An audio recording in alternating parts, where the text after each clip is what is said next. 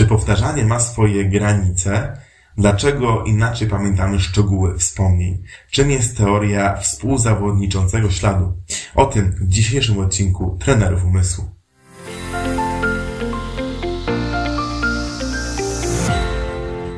Witam Cię bardzo serdecznie w kolejnym odcinku Trenerów Umysłu, miejscu, gdzie wraz z moim bratem Bartłomiejem uczymy, jak lepiej korzystać z naszego umysłu, jak lepiej się uczyć, jak, dlaczego tak wygląda nauka nasza, a nie inaczej, jak zmienić nasze nawyki uczenia się, nawyki korzystania z naszego potencjału umysłowego.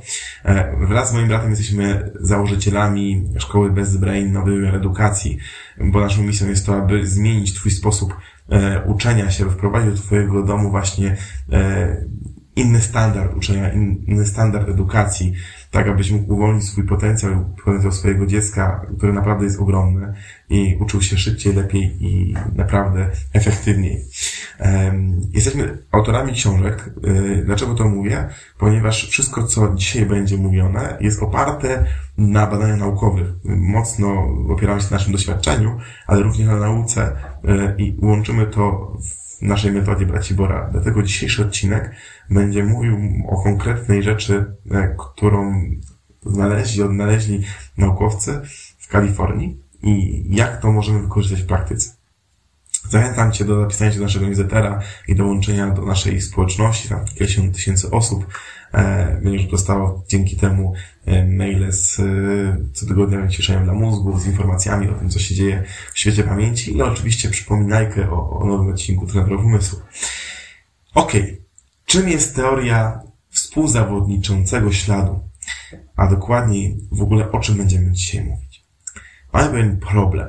Problem jest taki, e, że jak masz rodzinny obiad i wspominasz sobie z kimś jakąś sytuację, może to być sytuacja sprzed dwóch dni, sytuacja sprzed dziesięciu lat i opowiadacie między sobą, a pamiętasz, e, jak wtedy wujek e, Zbyszek podjechał e, swoim samochodem w takim e, zielonych spodniach. Jakich zielonych? One były niebieskie. No coś ty, były zielone spodnie. No nie, niebieskie. Pamiętam, bo patrzyłam i się zaskoczyłam, że takie spodnie ma założone. No i pierwszy szczegół jest nieprawdziwy u kogoś z, z was. A potem, no i wtedy padał mocno śnieg. Co ty mówisz? Wtedy był roztop i w ogóle deszcz padał. I kolejny problem, kolejny szczegół się nie zgadza. Jak to jest możliwe? Skoro obydwoje byliście w tym samym miejscu, wasze mózgi zapamiętały tą samą sytuację. Co do sensu opowiadacie dokładnie tą samą historię, ale szczegóły się różnią. I to jest właśnie sprawa współzawodniczącego śladu w twojej głowie. Jest to sprawa, która pokazuje, że powtarzanie w naszej głowie ma pewne ograniczenia i jest to bardzo istotne, aby to powtarzanie było odpowiednio zrobione, aby miało odpowiednie metody, metodycznie przygotowane było, aby ono nam pomagało, a nie przeszkadzało. Byli pewni naukowcy, są z tego co nadal są, e, z University of California, e, dwóch profesorów, profesor Zachariah Rech, chyba tak to się czyta, szczerze mówiąc, nie, nie wiem jak się czyta nazwisko, oraz Michael Jas. I oni w 2013 roku stworzyli teorię współzawodnictwa śladów pamięciowych. Oznacza ona to, że jeżeli sobie coś przypominasz, jeżeli przypominasz swoje wspomnienie, albo robisz powtórkę jakiejś informacji, to twój mózg wytwarza kolejne połączenie, które jest silniejsze od poprzedniego. Czyli można powiedzieć, e, nadpisuje informacje, które wcześniej się nauczył, tworząc nowy ślad pamięciowy, który jest silniejszy. Wyobraźmy sobie, że um, przypominasz sobie jakąś historię, jakąś sytuację, która się wydarzyła dzisiaj, możesz sobie coś przypomnieć, jakąś, jakąś scenę. I przypominasz sobie tylko ele pewne elementy tej sceny. Nie jesteś w stanie sobie przypomnieć wszystkich szczegółów, które się wtedy wydarzyły. I e, twój mózg skupia się na najważniejszych elementach. Kiedy sobie przypomnisz to dwa dni, to twój mózg nie będzie sobie przypominał tego wydarzenia, tylko będzie sobie przypominał to, co sobie przypomniałeś ostatnio. Głównie to będzie sobie przypominał. Ma również informacje z tego wydarzenia. I o ile nie przypomniałeś sobie wszystkiego za pierwszym razem, to będziesz w stanie jeszcze wrócić do tych szczegółów wspomnienia głównego. Natomiast jeżeli stworzyłeś sobie nowe przypomnienie tych informacji, to one napisały sobie te wcześniejsze informacje. Przykład taki. Jechałeś samochodem, mijałeś wypadek, zdarzyły się dwa samochody, zielony i czerwony. E, zapamiętałeś marki, powiedzmy jeden to był a Toyota, drugi to był Fiat. E, to się wydarzyło, nie wiem, był, był, był, byli policjanci, e, wydarzyło się to w jakimś konkretnym miejscu, skrzyżowanie, światła i tak dalej przychodzisz do domu, sobie przypominasz, no i opowiadasz, nie wiem, na przykład żonie, mężowi, koleżance, koledze. Widziałem wypadek, dwa samochody się zderzyły, e, jeden to był czerwony, drugi był e, chyba, chyba niebieski albo granatowy. Już nie pamiętam, może granatowy. Nieważne. Ważne jest to i opowiadasz dalej. I teraz, jak sobie przypomnisz to za kilka dni, to przypomnisz sobie te informacje, które powiedziałeś, czyli że był czerwony samochód i granatowy, może niebieski. Tak sobie przypomniałeś. Nie przypomnisz sobie dokładnie tej sceny, tylko swoje wyobrażenie tej sceny, które miałaś e, przy pierwszej powtórce. Natomiast nic nie powiedziałeś wtedy o marce samochodu. I są dwie opcje. Albo twój mózg to zapomniał i w ogóle wyrzucił z twojej głowy, albo masz to tam gdzieś zapisane, tylko do tego nie wróciłeś podczas przypominania sobie tej informacji i twój mózg jest w stanie jakby wrócić do tej informacji i wyciągnąć ją prawdziwą. Stąd się to bierze, że jeżeli dwie osoby są na tym samym wydarzeniu i sobie wspominają tą sytuację, to przy przypominaniu sobie zmieniają pewne szczegóły i później ich wersje są nieidentyczne. Widzimy to w wielu przypadkach, tak z tego co wiem, to policjanci, detektywi wiedzą o tym, że e, jeżeli kilku, kilkoro świadków mówi e, co do zasady te same rzeczy, ale w szczegółach się różnią, to mówią prawdę. A jeżeli mówią dokładnie te same szczegóły, to znaczy, że ustalili wersję między sobą. To nasz mózg tego nie potrafi zrobić. Możesz wziąć Ewangelię. Cztery Ewangelie mówią o tym samym, o życiu Jezusa Chrystusa, natomiast y, mówią o różnych innych szczegółach. Inaczej pewne rzeczy pokazują, inaczej pewne rzeczy opisują, co potwierdza tak naprawdę prawdziwość y, opisu, a nie zaprzecza temu tej prawdziwości. I teraz, y, aby potwierdzić tą, tą rzecz, naukowcy zrobili pewien eksperyment, Dokładnie ten eksperyment też opisuję w mojej książce e, Efektywna nauka, aktywna powtórka i tam jest dużo innych jeszcze eksperymentów wskazujących, jak powtarzać.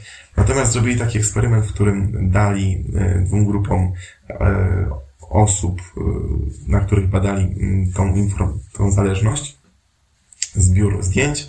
Jedni widzieli tylko raz to zdjęcie, inni widzieli trzykrotnie to samo, te same zdjęcia i okazało się, że ci, którzy widzieli tylko raz, co do głównych rzeczy, tych najważniejszych może mieli trochę mniejszą pamięć.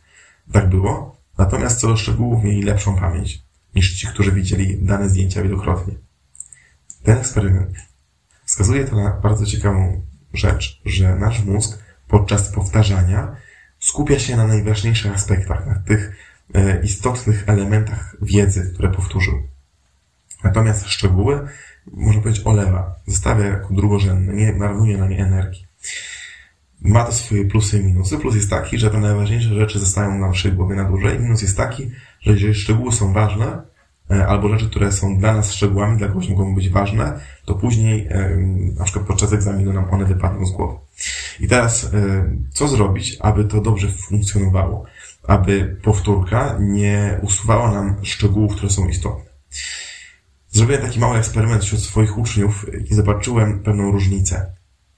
Jeżeli uczeń e, robił powtórkę tylko po to, żeby zobaczyć jeszcze raz to samo zdjęcie, bez weryfikacji swojej, e, swojej pamięci, czyli pokazałem uczniowi zdjęcie na określony czas, tam 15 sekund, później poprosiłem, żeby opowiedział, co wiedział o tym zdjęciu. Zrobił pierwszą aktywną powtórkę, a potem powiedziałem, zobacz to samo zdjęcie e, i po pół godziny zadawałem pytania do tego zdjęcia, patrząc jak, jak sobie z tym poradzi. I okazuje się, że uczeń, u, u, uczniowie, którzy po prostu za drugim razem patrzyli na to zdjęcie, e, mieli gorsze wyniki przez to, że spojrzeli na nie dru, drugi raz. Tak? Czyli w porównaniu z innym ćwiczeniem, w którym nie było tego drugiego spojrzenia na zdjęcie, mieli po prostu gorsze wyniki. Czyli ta powtórka nie pomogła, wręcz przeszkodziła. Natomiast e, jeżeli uczeń nie tylko patrzył za drugim razem na to zdjęcie, ale sprawdzał, czy informacje, które przed chwilą powiedział w aktywnej powtórce są prawdziwe. Jeśli pomylił i co może poprawić, to jego wyniki wystroiły do góry. Czyli kiedy powtarzasz informacje, rób to aktywnie. Sprawdzaj, czy wiedza, którą masz w głowie jest poprawna. Dlatego o wiele lepiej przed przeczytaniem ponownym tekstu, przed zobaczeniem ponownym, yy, nie wiem, filmiku, zdjęcia, jest opowiedzenie sobie na głos tego, co tam jest, całej treści, aby później, kiedy czytasz na nowo, sprawdzać, być uważnym na te informacje, które powiedziałeś i sprawdzać, czy się gdzieś nie pomyliłeś. Wtedy ta powtórka pozwala Tobie wyłapać te szczegóły, o których pamiętałeś i które chcesz zapamiętać. I dzięki temu Twój wynik będzie wiele, wiele lepszy. Pamiętaj o tym bardzo mocno, że pamięć zawodzi. Oczywiście trzeba zaufać swojej pamięci, że ona jest w stanie zapamiętać bardzo dużo i lepiej zaufać pamięci i czasami się na niej przejechać, niż nie ufać jej i cały czas mieć z nią problemy. Natomiast pamięć może zawieść, może nas oszukać co do szczegółu. Skoro mózg nas oszukuje co do takich małych szczegółów, to nas oszukuje wielokrotnie w innych miejscach. Kiedy mówi, że już się czegoś nauczyłeś, albo podczas egzaminu, że ty tego już nie przypomnisz. On nas oszukuje, ponieważ nie chce wydatkować energii. Tak samo w tym przypadku oszukuje nas, że, że zapominamy te szczegóły, dlatego że on nie chciał wydatkować energii na szczegóły, które są według niego mniej istotne. Czyli twój mózg segreguje informacje, co jest istotne pogrubia, co jest mniej istotne wyrzuca, obcina nadmiarowe połączenia, niepotrzebne połączenia neuronalne. Dlatego jest to bardzo istotne, abyś trenował swoją pamięć i abyś podchodził do tego w sposób metodyczny.